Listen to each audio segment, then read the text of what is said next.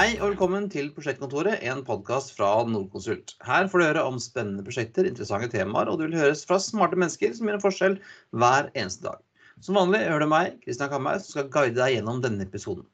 Og Min jobb det er å spørre også et og annet uh, dumt spørsmål for å få lov til å forstå, og det håper jeg både lytterne og gjestene har forståelse for. I Prosjektkontoret ønsker vi å kikke litt nærmere på interessante prosjekter, men også på fagfelt som enten er stor interesse for, eller som det burde være stor interesse for. Og I den siste tiden så har det vært mye snakk om hydrogen som drivstoff i både biler, båter og fly.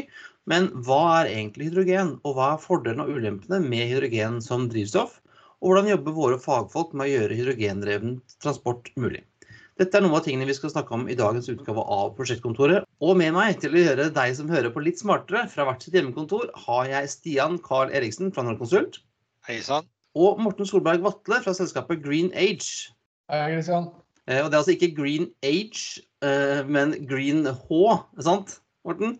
Det, det, er det, men du har jo også en veldig fin dobbeltbetydning der. For det er green H som H for hydrogen, men så høres det ut som green age, som grønn tidsalder. Så vi er ikke ubevisst på det, for begge ah, ja. er så sett riktig. Det er en liten dobbeltbetydning, det er bra. Velkommen skal dere være begge to. Eh, Stian, kan ikke du introdusere deg litt for lytterne sånn kort? mitt navn er som sagt Stian Eriksen.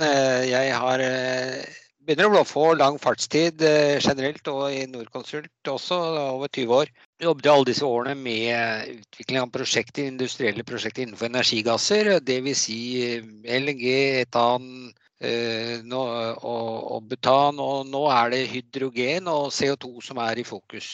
For så vidt så er jeg utdannet en eller annen gang skipsingeniør og har lagt på med styring kybernetikk etter det. Og eh, veldig hyggelig å ha en, eh, en, kunde med oss også, Morten. Kan ikke du fortelle litt om deg og dette Green Age? Veldig gjerne. Jeg heter eh, Morten. Jeg er daglig leder i Green Age. Og Green Age er et selskap som jobber fram infrastruktur for hydrogen. Som betyr at vi lager prosjekter, og vi bygger anlegg. Og vi skal også drive disse anleggene. Og min bakgrunn er litt annerledes, fordi eh, jeg kommer ikke med ingeniørbakgrunn, jeg er eh, økonom.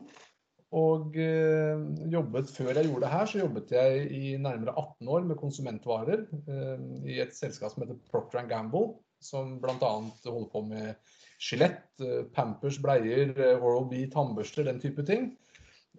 Og inngangen hit er det at vi så at det som skjer nå på, på hydrogen, det er veldig mye snakk om all teknologi som skal komme en gang i framtiden, kanskje 2040. Eh, det var veldig sånn teknologidrevet, eller det var veldig, veldig miljødrevet på hva vi burde gjøre. Og det vi så var at Her trengte vi kanskje en, en mer tilnærming som var litt Hva kan man gjøre med det som er der i dag av teknologi? Hvordan kan vi sette det inn i en forretningsmodell? og Det er jo det jeg gjorde bl.a. i Procter Gamble. Ledet jo Procter Gamble i Norge de siste fem årene med strategiutvikling. Og da, det var liksom vår naturlige vei inn der, da. Um, så det er litt bakgrunnen min, som er litt annerledes. Som i forklaring hvordan det går fra å selge skjelett til å produsere hydrogen. Men Vi skal komme tilbake til eh, Green Age og hva Stian og co. har hjulpet dere med. Morten. Men først tenker jeg at det kan være greit å få litt klarhet da, for de som ikke kan dette, om hydrogen. Hva er hydrogen, og hva kan det brukes til? Og hvorfor er liksom hydrogen litt i vinden?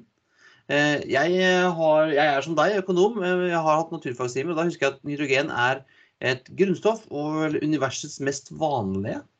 Hydrogen er vanlig. Du har hydrogen overalt. Problemet er at hydrogen er en, en, gass som binder seg veldig lett til ting. Så du finner det ikke i naturlig form. Du finner det i vann f.eks. Så har du jo H2O. Eh, så den type forbindelser, så Når du skal bruke hydrogen, så er du alltid nødt til å fri det fra den forbindelsen det er i, for å kunne bruke det. Og På den måten så sier vi at det er altså en energibærer, for du må bruke energi på å måte, framstille hydrogen om du vil. da. Eh, du kan ikke utvinne det direkte og, og bruke det. Og, og, da vil du få den egenskapen at du lagrer energi i hydrogenet i idet du skaper det, f.eks. gjennom elektrolyse. Ehm, og så vil du på en måte ta energien tilbake når du frigjør det. Kan du si. Det er litt enkelt forklart eh, elektrolyse på hydrogen. Eh, også er det sånn at man, man, kan ikke putte hydrogen på, på, tanken og så kjøre med vanlig, et vanlig bil eller, eller, båt. Du må ha noe som kalles en brenselcelle eller noe sånt. Er det ikke sånn, eh, Stian? Jo, du må ha en eller annen måte, som Morten var inne på, å frigjøre denne energien slik at den kan bruke den. Og brenselcelle er det som er mest vanlig. Og en brenselcelle er jo ikke noen ny teknologi. Dette ble jo oppfunnet i Tyskland en gang på 1800-tallet. Jeg tror det var rundt 1839 eller noe. Og I prinsippet så er det en enhet som konverterer kjemisk energi til elektrisk energi direkte, uten å gå via noe forbrenning. Det er jo det som er clouet her. Og det er, er, det at det er en, det er en hvor man har en membran som den leder ladde hydrogenatomer, det blir jo teknisk dette her, og som blir eksponert eh, for hydrogen på den ene siden og oksygen på den andre siden. Eh, eller luft, da. Og de to sidene av denne membranen er kobla sammen med elektriske ledninger. Så protonene fra hydrogenatomet de vil gå gjennom membranen og reagere med oksygenet, mens elektronene går rundt i en strøm.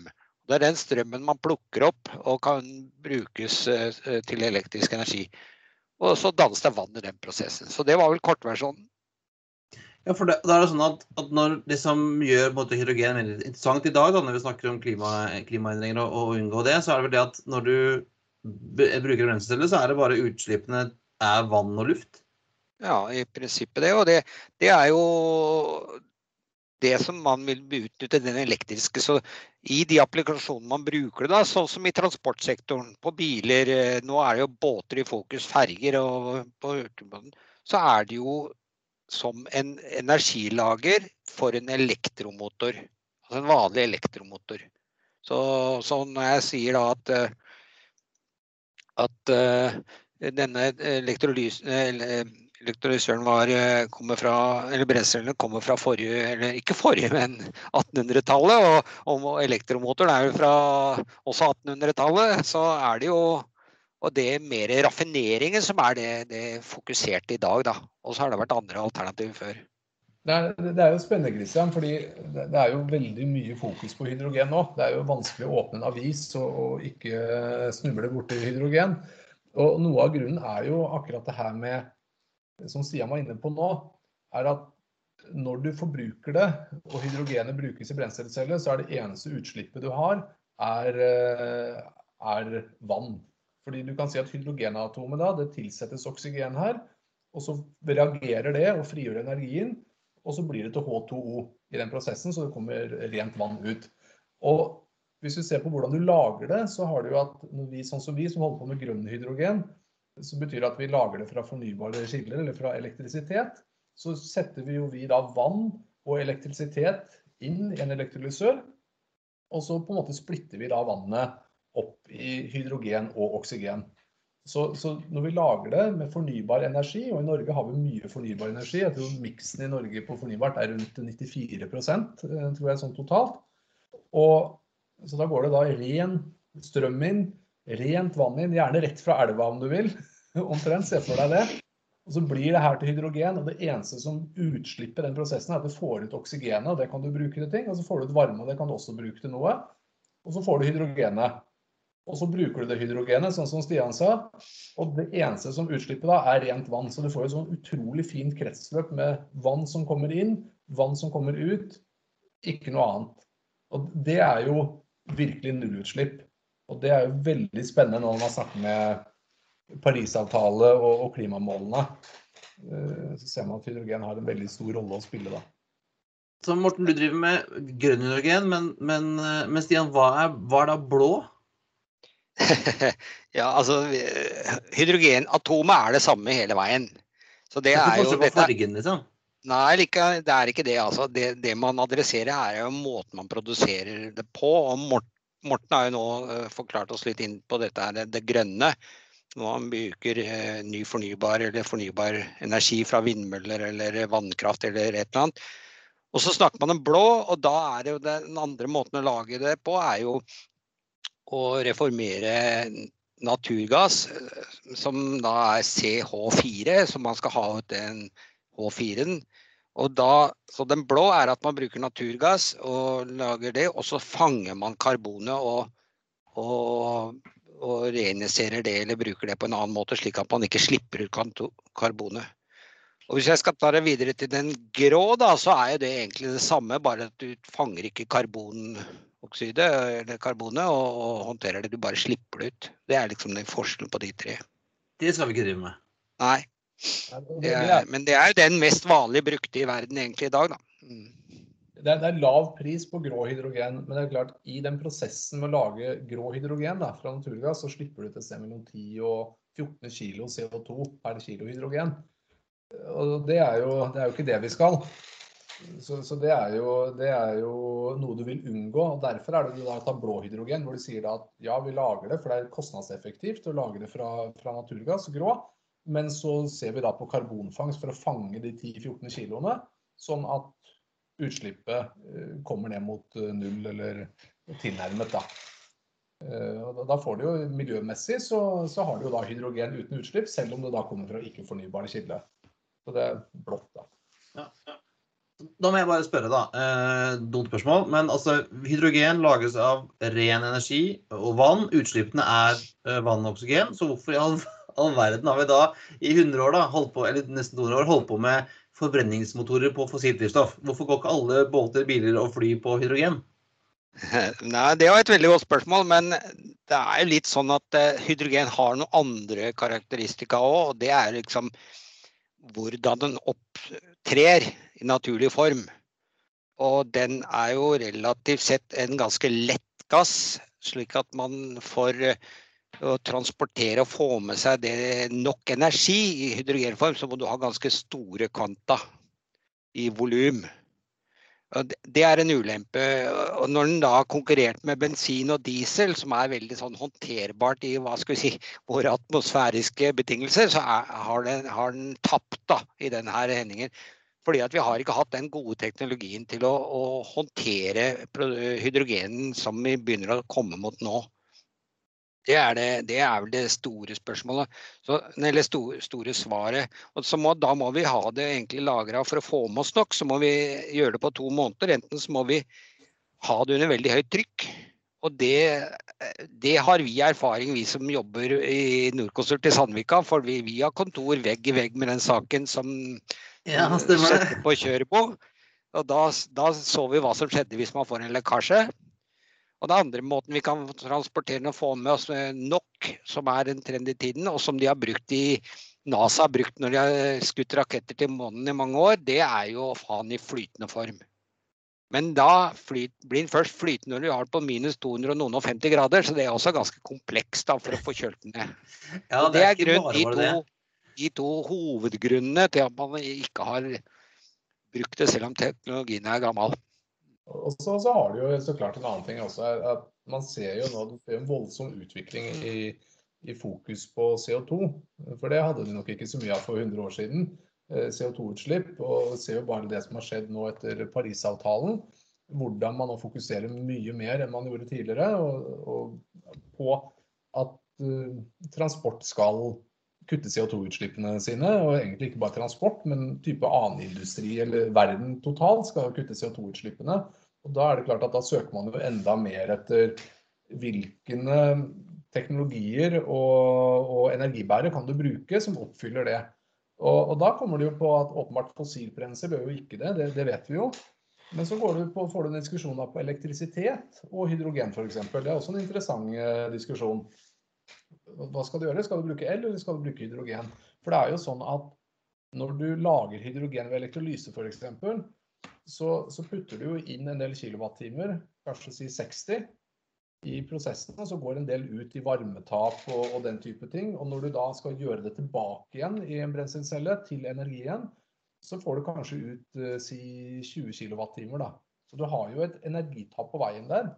Og da, da, kan man spørre seg hvorfor skal du da bruke hydrogen? For da må det være mye bedre å bruke elektrisitet rett inn i elmotoren. Og, og det er det hvis du kan det. Men det er klart, eh, en, batterier er tunge og store. og Det er ikke alle distanser på langtransport f.eks. Så er det lite interessant å, å kjøre en lastebil som kanskje får med seg en fjerdedel av nyttelasten, og som må stoppe tre-fire ganger på vei til eh, Oslo og Trondheim for å lade. Eh, og da har hydrogen de samme effekten som du vil få av en mer fossil bil, hvor du kan kjøre hele strekningen og ha omtrent samme nyttelast. Og da er det lett til det at du kan ikke løse det behovet med elektrisitet, og da kommer hydrogen inn. Mm. som et alternativ. Så, så, det vil jeg bare si, Christian, for det er veldig ofte at du får en, du får en debatt. Hva er best av el og hydrogen? Og, og, det er ikke noe som hva som er best. Det er forskjellige formål, forskjellige, forskjellige virkemiddel. Ja, for det er litt mer om hva det passer til. Altså jeg, vil, jeg som er opptatt av flymaskiner, kommer tilbake til det senere, så er det jo litt utfordrende med batteri på fly. Ja, på, på, korte distanser så mener man vel at på korte distanser og, og fly med færre takst, eller altså færre passasjerer, så mener man at batteri kan være en, en mulig løsning. Mens idet du kommer på mellomdistanse og litt lengre og større, si 250 passasjerer, da ser man at hydrogen kan være et veldig godt alternativ. Airbus kommer jo med en, en, noe i 2035-2040 der. Og så ser man på de veldig lange distansene, så ser man kanskje at man ser på en form for syntetisk fuel f.eks. Mm. Og der har du litt det samme at du det er ikke enten el eller hydrogen eller f.eks. syntetisk fuel. Det er alle eh, passer i sitt segment. og Sånn er det litt med personbiler, lastebiler, langtransport, nærtransport. Noen steder er hydrogen best, andre steder løser du det best med, med el. Det er jo også en annen form eh, med hydrogenatomet som også er eh, Man ser en trend nå, og det er ammoniakk. Ammoniakk eh, har jo formen NH3. Så det er liksom der, der også er det hydrogenelementet som gir en energi. Ja, for det er også et drivstoff sånn type jeg har sett på, på skip? Det er noe som er under utvikling, ja. Og det er aktører med base i Norge, faktisk, på motorfronten. Eh, Bergen Engines f.eks. Og, og, og Vertsla de utvikler nå motorer som de justerer motorene for å kunne gå på ammoniakk. Og da har man en annen lagrings Eh, element som det er lettere å håndtere som sådan. Men så har ammoniakken noen andre elementer. Det er jo en gift også, ikke sant? Gass, i gassform. Så alt har sine pros and cons. Da tenker jeg at da er vi ganske sånn godt pålest på hydrogen. Um, men tenker jeg at og Et av disse prosjektene som, som dere har jobbet med, Stian, er jo et, et produksjon- og bunkringsanlegg for hydrogenferjer i Rogaland for Green Age. Kan du fortelle litt om hva Nordkonsult har hjulpet eh, dere med her, Morten? Ja, det er um vi har jobbet mye med Nordkonsult. Vi har begynt å jobbe så mange prosjekter sammen nå at uh, det er nesten vanskelig å si hvor man starter og hvor man begynner hen. Men det, det, vi har gjort, er jo Nordkonsult har gjort prosjekteringen av anlegget, og, vi har jobbet veldig tett sammen. Så vi har jo egentlig jobbet sammen mye av businesskonseptet her også. Um, men Nordkonsult er da de som har funnet de tekniske løsningene, funnet hvordan vi rent praktisk løser det. Ehm, og hvordan anlegget skal se ut. Hvilke millimeter skal vi ha, hva slags skruer og muttere skal det være der. Hvordan løser vi gassflyten i prosessen mest effektivt. Sånn at det passer med det business caset som, som, vi på en måte har utviklet. Så vi har vært et veldig godt team der. Og jeg kan si en, en ting som er litt interessant, det med sånt Rogaland-prosjektet, var Vi var jo veldig opptatt av at hvis du skal bunkre en, en ferge eller forbruk, så bør du helst gjøre det omtrent der du lager det. Fordi det er dyrt eh, å transportere hydrogen, og det er sånn som, eh, som eh, Stian også nevnte, at det er veldig mye volum i den gassen, og du må sette det under trykk. Eller gjøre det flytende minus 253 grader. Og, og, og det, det, er vanskelig, og det blir dyrt. Og hvis du da tar en, jeg synes en god sammenligning på volumøst og vanskelig å transportere hydrogen det er, Jeg jobbet jo som sagt tidligere innenfor konsumentvarer. Og når du kjører en nyttelast på en lastebil, da, kan du ofte få si, 40 tonn nyttelast på en, på en lastebil. Og på hydrogen, på trykksatt hydrogen, så får du rundt ett tonn nyttelast. Men den kommer i en container som, varer, som veier rundt 30 tonn. Så du drar omtrent på samme kilo, men med en førtidel av nyttelasten. Det blir dyrt. Og hvis du i tillegg vet at de konteinerne er ganske dyre, de koster fort en 4-5 millioner, og du kan jo ikke kjøre fisk tilbake igjen, for da er den tom. Så den kjører tom tilbake på, på returen. Så du ser at kostnadsbildet på transport av hydrogen er ganske stort. Og det var det vi sa i det Rogaland-anlegget. Så sa vi at ja, for å få ned kostnaden, la oss se om vi kan finne en, løsning hvordan en ferge eller et fartøy kan komme rett inn og bunkre fra selve anlegget, sånn at vi eliminerer den uh, transportkostnaden.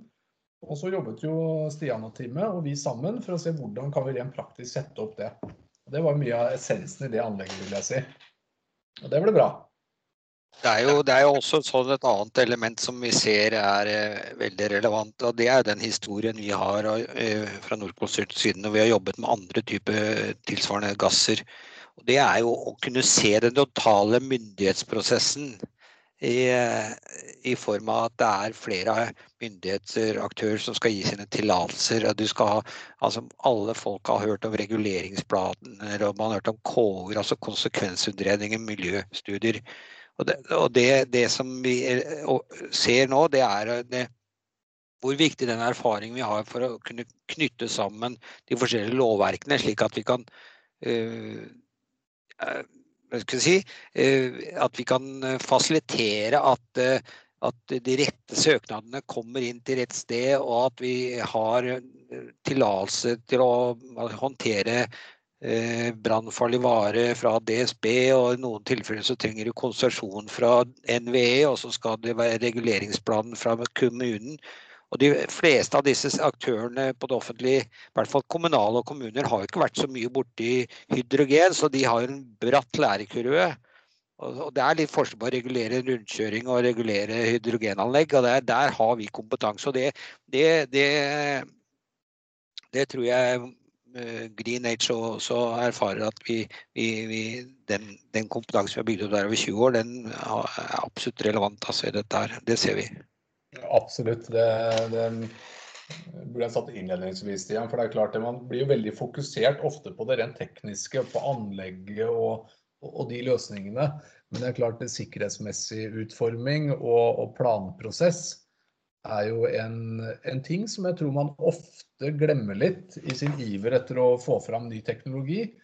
Hvor, uh, hvor ny prosess det er for mange innen, innen uh, de ulike etatene de skal innom her. Og, og hvor lang tid det kan ta, fordi dette er et nytt område. og det skal gjøres riktig.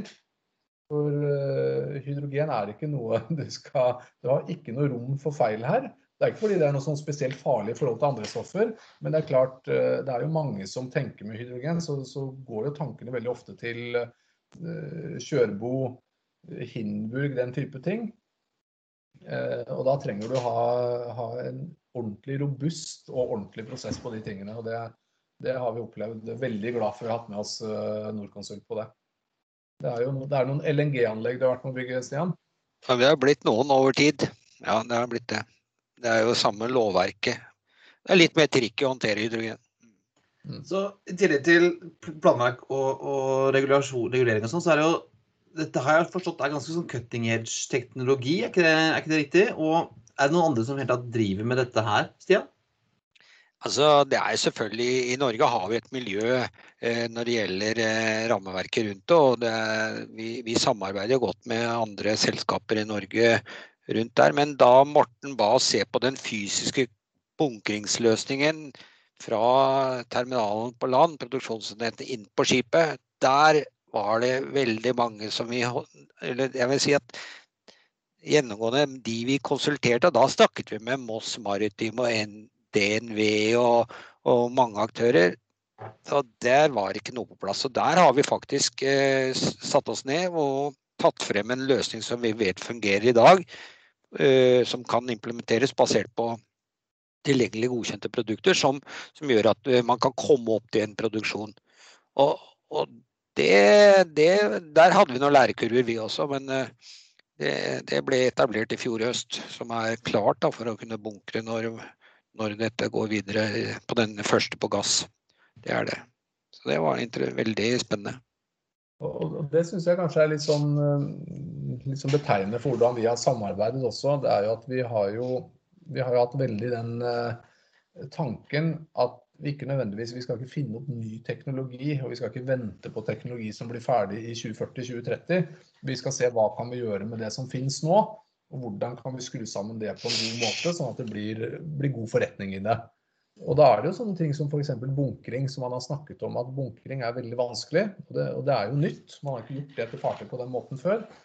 Men da å, å i stedet for å gå i en, en stor uh, innovasjonsprosess, så ser vi på ok, men hva fins. Man har jo bunkret, og man har jo typegodkjenninger til, til veitrafikk f.eks.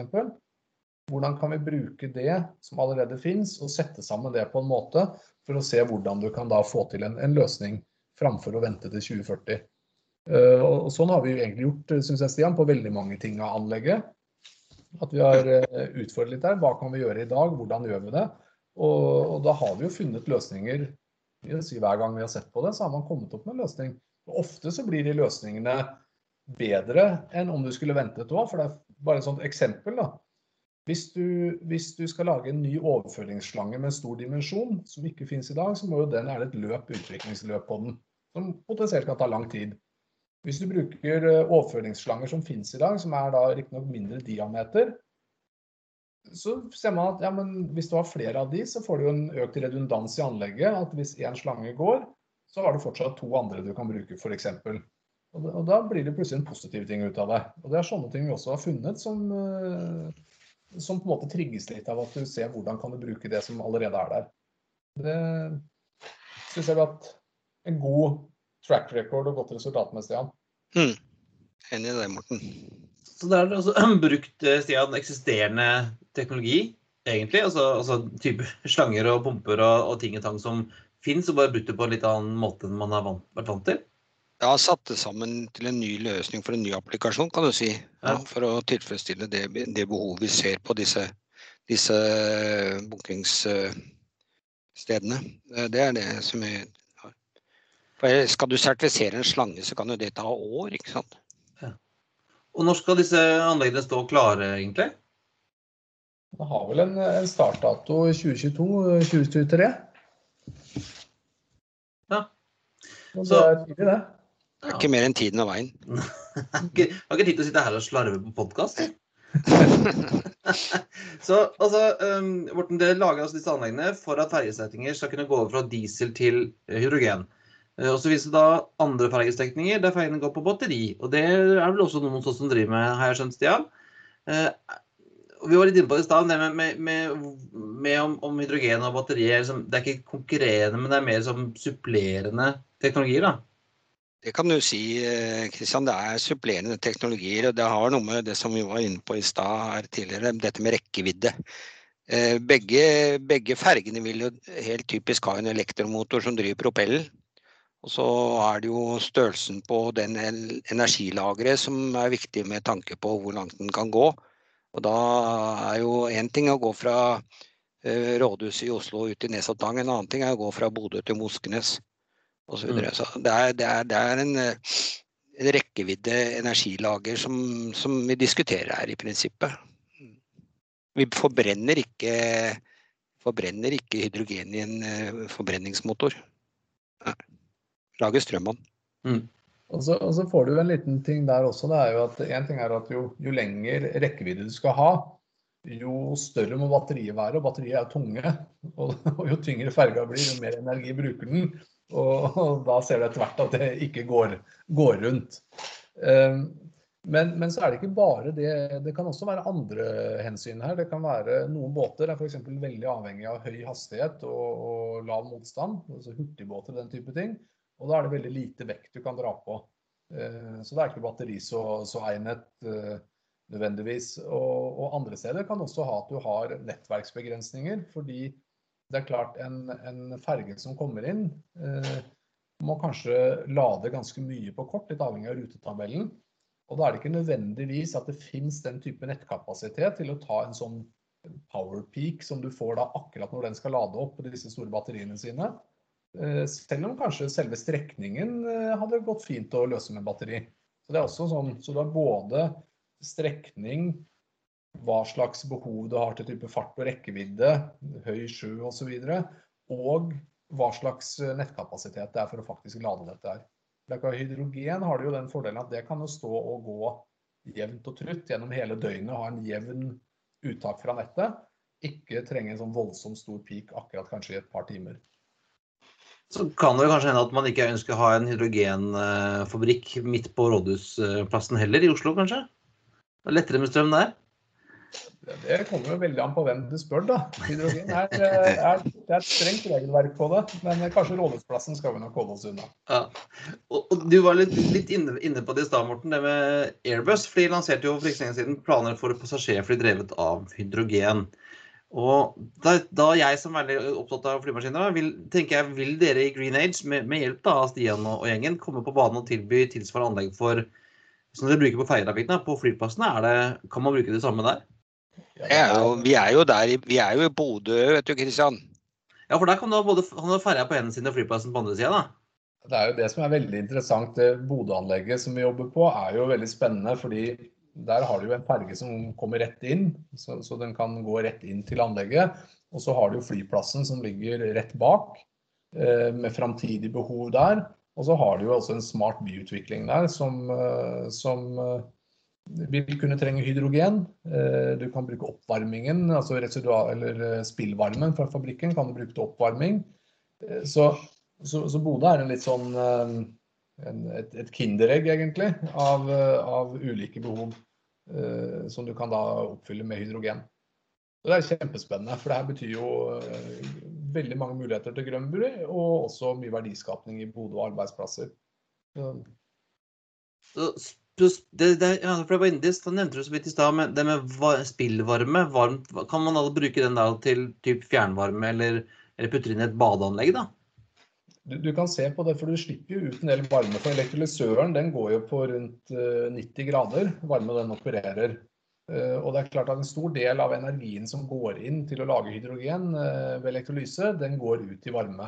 Så det å, å, jobbe fram løsninger hvor du fanger deler av den varmen der, så kan du f.eks. sette den inn på et fjernvarmeanlegg. Eh, eller du kan bruke det til oppvarming av bygninger hvis du har noe rett i nærheten. Hmm. Det er altså det som sier, det er et kinderegg. Eh, så Martin, hvis jeg da eh, skulle sitte tilfeldigvis og ha et fergesamband eller en, en flåte med lastebiler eller noe som jeg skulle ha hydrogenifisert, hva gjør jeg da? Da plukker du opp telefonen og så ringer du Green Age. Eh, med en gang. Og så kommer, eh, kommer Nordkonsult og Green Age og tar fram en løsning som fungerer helt utmerket. Det, det, er Det var litt tullete sagt, men også sant. fordi det er egentlig det vi gjør, er at vi ser jo på behovet. Så hvis du f.eks. er en fergesamband som trenger, eller du er en som vil starte med lastebiler, som du sier, så mener vi at det beste du gjør da, er å se på det behovet og se hvordan setter vi sammen et anlegg som passer til det behovet på stedet, sånn at du får eliminert transport. Og så er det klart du er litt rundt skala som på anlegget som spiller inn, men, men, det er litt sånn vi opererer, at vi starter med det, og så ser vi hvordan kan vi bruke enten det vi allerede har, eller hvordan kan vi sette opp noe nytt. Eh, og da vil du ofte finne veldig gode løsninger. Har, jeg tror Morten sier det veldig bra. Det som vi gjør, da gjør, er jo at vi konkretiserer det Morten egentlig sa her, i form av av noen basisdokumenter som gjør at vi har noen plattform å starte på når vi går videre og ser dette i lys av både det tekniske, kommersielle og det eh, myndighetsmessige totalkonseptet. Ja, så da tenker jeg at det, Med den klare oppfordringen, ta og ring eh, Morten og Green Age, så bygger vi, et, eh, bygger vi sammen et hydrogenanlegg. Så sier jeg takk for at dere kom, Stein og Morten. Takk for at vi fikk komme. Det er alltid gøy å sitte og snakke om hydrogen. Det kan vi, vi kan gjøre det her neste i morgen òg, vi. ja, tusen takk for meg også. Det, ja, det, det kan godt hende at vi må komme tilbake til dette, for det er et veldig interessant tema med mange, mange, bruksområder. Men det var altså det alt for denne gang. Hvis du vil vite mer om Norconsult og hva vi driver med, og hvilke spennende prosjekter vi jobber med, så kan du sjekke ut norconsult.no. Og hvis du vil vite mer om Green Age, sjekker ut greenage.no. og Det er altså greenh.no. I dag hørte du Stian Carl Eriksen fra Nordkonsult, Morten Solberg Vatle fra Green Age og meg, Christian Kamberg. Musikken er som alltid ved Thomas Wøni, som er akustiker i Nordkonsult. Har du spørsmål eller kommentarer til podden eller innspill på fremtidige temaer, send oss ganske enkelt en e-post til podkast at nordkonsult.com. Det er podkast med C. Ikke glem å abonnere på Prosjektkontoret i iTunes eller din foretrukne podkastspiller, så får du alltid den nyeste episoden rett i spilleren din. Og om du liker det du hørte i dag, så er det veldig hyggelig om du gir oss en, eh, en anbefaling eller noen stjerner i iTunes. Det blir vi alltid glad for. Takk for denne gang, og vi høres plutselig igjen.